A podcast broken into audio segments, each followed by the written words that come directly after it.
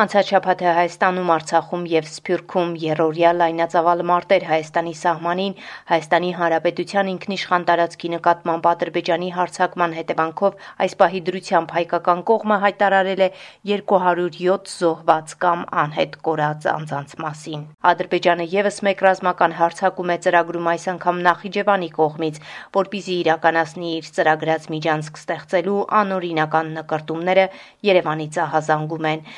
Միացյալ Նահանգների բարձրաստիճան պաշտոնյաներից ներկայացուցիչների պալատի խոսնակ Նենսի Փելոսին անցած օրերին Երևանից դատապարտեց Ադրբեջանի մահացու հարձակումները Հայաստանի դեմ, նշելով այստեղ ենք հասկանալու, թե Երևանը ինչ ակնկալիքներ ունի Վաշինգտոնից։ We strongly condemn those attacks. Հայոց պետականությունը կանգնած է նոր ու աղետալի պատերազմի շեմին, որը կարող է ոչ պակաս ծանր հետևանքների հանգեցնել, քան 44-օրյա պատերազմը, Արցախի նախագահը կոչով է հանդես եկել։ Նյու Յորքում տեղի է ունեցել Հայաստանի արտգործնախարար Արարատ Միրզոյանի, Միացյալ Նահանգների պետքարտուղար Էնթոնի Բլինքենի եւ Ադրբեջանի արտգործնախարար Ջեհյուն Բայրամովի երակողմ հանդիպումը։ Մեզ ողջևորում մեզ ողջևորում է այն փաստը, որ բախումները դադարել են եւ վերջին օրերին նոր սրացում չի եղել, հայտարարել է Միացյալ Նահանգների պետքարտուղարը Նյու Յորքում ընդունելով Հայաստանի եւ Ադրբեջանի արտգործնախարարներին։ Միրզոյան Բայրամով հանդիպումը կազմակերպվել է Վաշինգտոնի նախաձեռնությամբ անցած շաբաթ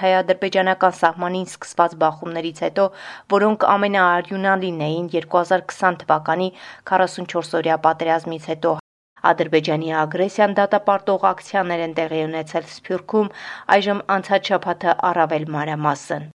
Սեպտեմբերի 13-ին կեսգիշերն անց Ադրբեջանի զինված ուժերը հրետանային միջոցների ականանետերի եւ անօթաչու թռչող սարքերի կիրառմամբ ինտենսիվ կրակ է բացել հայ-ադրբեջանական սահմանի միանգամից մի քանի հատվածում տեղակայված հայկական դիրքերի ուղությամբ, մասնավորապես հրետակոծության են ենթարկվել Սոտքի, Վարդենիսի, Գորիսի, Կապանի, Արտանիշի եւ Իշխանասարի ուղությամբ տեղակայված դիրքերը, հարվածները սակայն զուգահեռ հասցվում էին նաեւ քաղաքացիական ենթակառ կառուցվածքներին։ Խորհրդարանը միջազգային հանրությանը կոչ է արել հասցեական դատապարտել Ադրբեջանի սանձազերծած ագրեսիան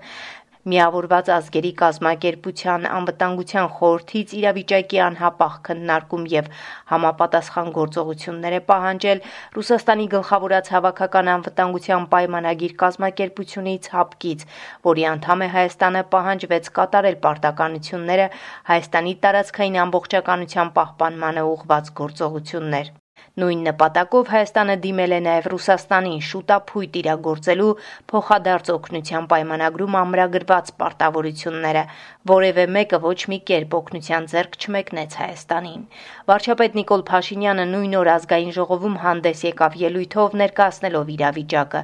Ըստ նրա իրավիճակն առաջին հերթին կապված է Ղարաբաղի հարցի բանակցային գործընթացի հետ։ Չեն ուզում Հայաստանի հետ քննարկել Ղարաբաղի հարցը որովհետև իրենց դիրքորոշումն այն է, որ Ղարաբաղի հարցը լուծված է կամ առնվազն դա Ադրբեջանի ներքին հարցն է, ներքին խնդիրն է եւ իրենք չեն ուզում այդ հարցը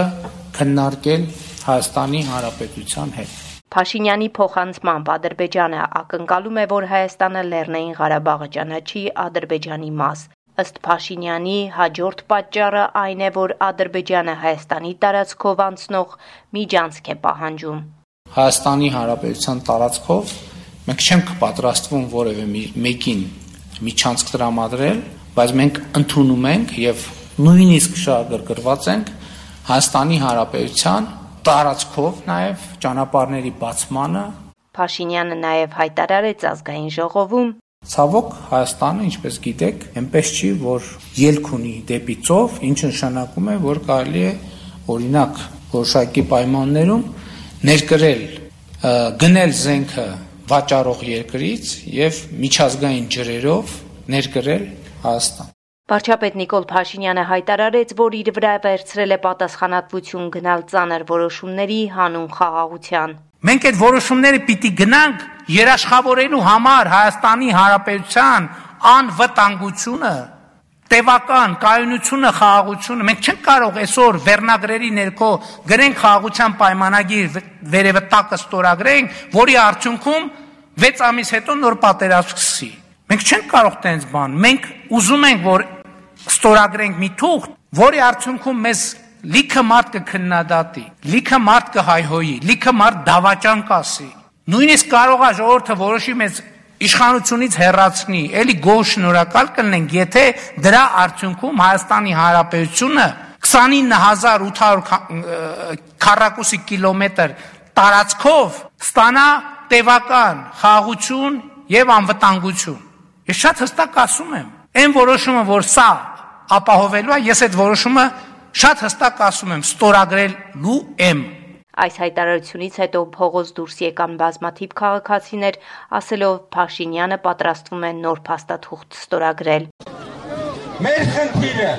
բանակցողին, որը որ միջազգային հարթակում ներկայացնում է Հայաստանի Հանրապետությունը, հերացնելն է ամուր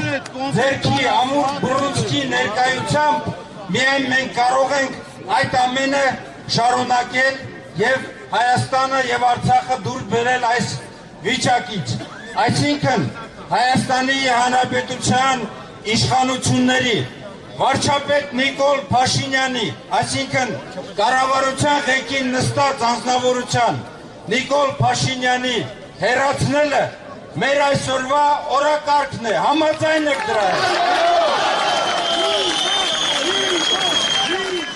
Վարչապետը նույն օրը Facebook-յան ուղիղ եթերում հայտարարեց, որևէ փաստաթուղթ չի ստորագրվել եւ չի պատրաստվում ստորագրման։ Սա տեղեկատվական դիվերսիա է ըստ նրա ուղղորդված արտաքին ոչ բարեկամական ուժերի կողմից երկրի դիմադրողականությունը կոտրելու համար։ Այս պահին ընդհանրապես որևէ բան,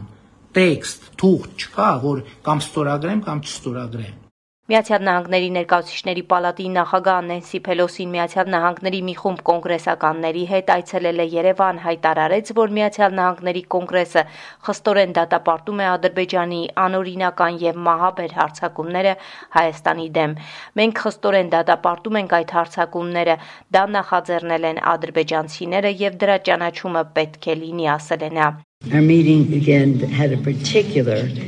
uh, importance to us because of the focus on security following the illegal and deadly attack by the Azerbaijan on the Armenian uh, territory. We strongly condemn those attacks, we in our delegation and on behalf of Congress, which threatens prospects for much needed peace agreement. Միացյալ Նահանգները, որ հանդիսանում է ԵՀԿ Մինսկի խմբի համանախագահ, հասկացրել է, որ հակամարտությունը ռազմական լուծում չի կարող ունենալ։ Մենք շարունակում ենք ուշադիր հետևել իրավիճակին եւ շարունակում ենք աջակցել Լեռնային Ղարաբաղի հակամարտության հետ կապված բոլոր հարցերի բանակցային եւ կայուն կարգավորմանը, ասել է Փելոսին։ Հարցին թե արդյոք Միացյալ Նահանգները ռազմական օգնություն կցուցաբերի Հայաստանին, Փելոսին հայտարարել է. «Այստեղ ենք լսելու, հասկանալու, թե Երևանը ինչ ակնկալիքներ ունի Վաշինգտոնից։ Արցախ. Լեռնային Ղարաբաղի նախագահ Արայք Հարությունյանը միասնականության կոչով է հանդես եկել հայոց պետականությունը կանգնած է նոր ու աղետալի պատերազմի շեմին, որը կարող է ոչ պակաս ծանր հետևանքների հանգեցնել, քան 44 օրյա պատերազմն է ասել է նա։ Հաշվի առնելով վերահաս աղետի վտանգը, նա նշել է, որ միակ լուծումը հատկապես Հայաստանի Հանրապետությունում բոլոր հիմնական դերակատարների ջանքերի համատեղումն է միասնականության, անկեղծ երկխոսության ու ողջախոհության հիման վրա։ Արցախի ղեկավարը եւս մեկ անգամ ասել է, որ մեզ համար անընդունելի է ցանկացած փաստաթուղթ, որը կարող է Արցախը դիտարկել որպես Ադրբեջանի մի մաս։ Սփյուռք վիրահայ համայնքի ներկայացուցիչները երթ են կազմակերպել աջակցություն Հայաստանի ընդդեմ ադրբեջանական ագրեսիայի։ Նրանց երթը Ադրբեջանի դեսպանատունն արգելափակվել է իրավապահների կողմից, ինչի պատճառով իրենց բողոքն արտահայտել են խորհրդարանի շենքի մոտ։ Ցույցեր են անցկացվել Ավստրալիայում, Միացյալ Նահանգներում, Ֆրանսիայում եւ այլ երկրներում։ Միացյալ Նահանգներում Ադրբեջանի դեսպանատան ներկայացուցիչը հայհոյել է հայ կանանց եւ պատրել ակցիայի մասնակիցների ցուցանակը։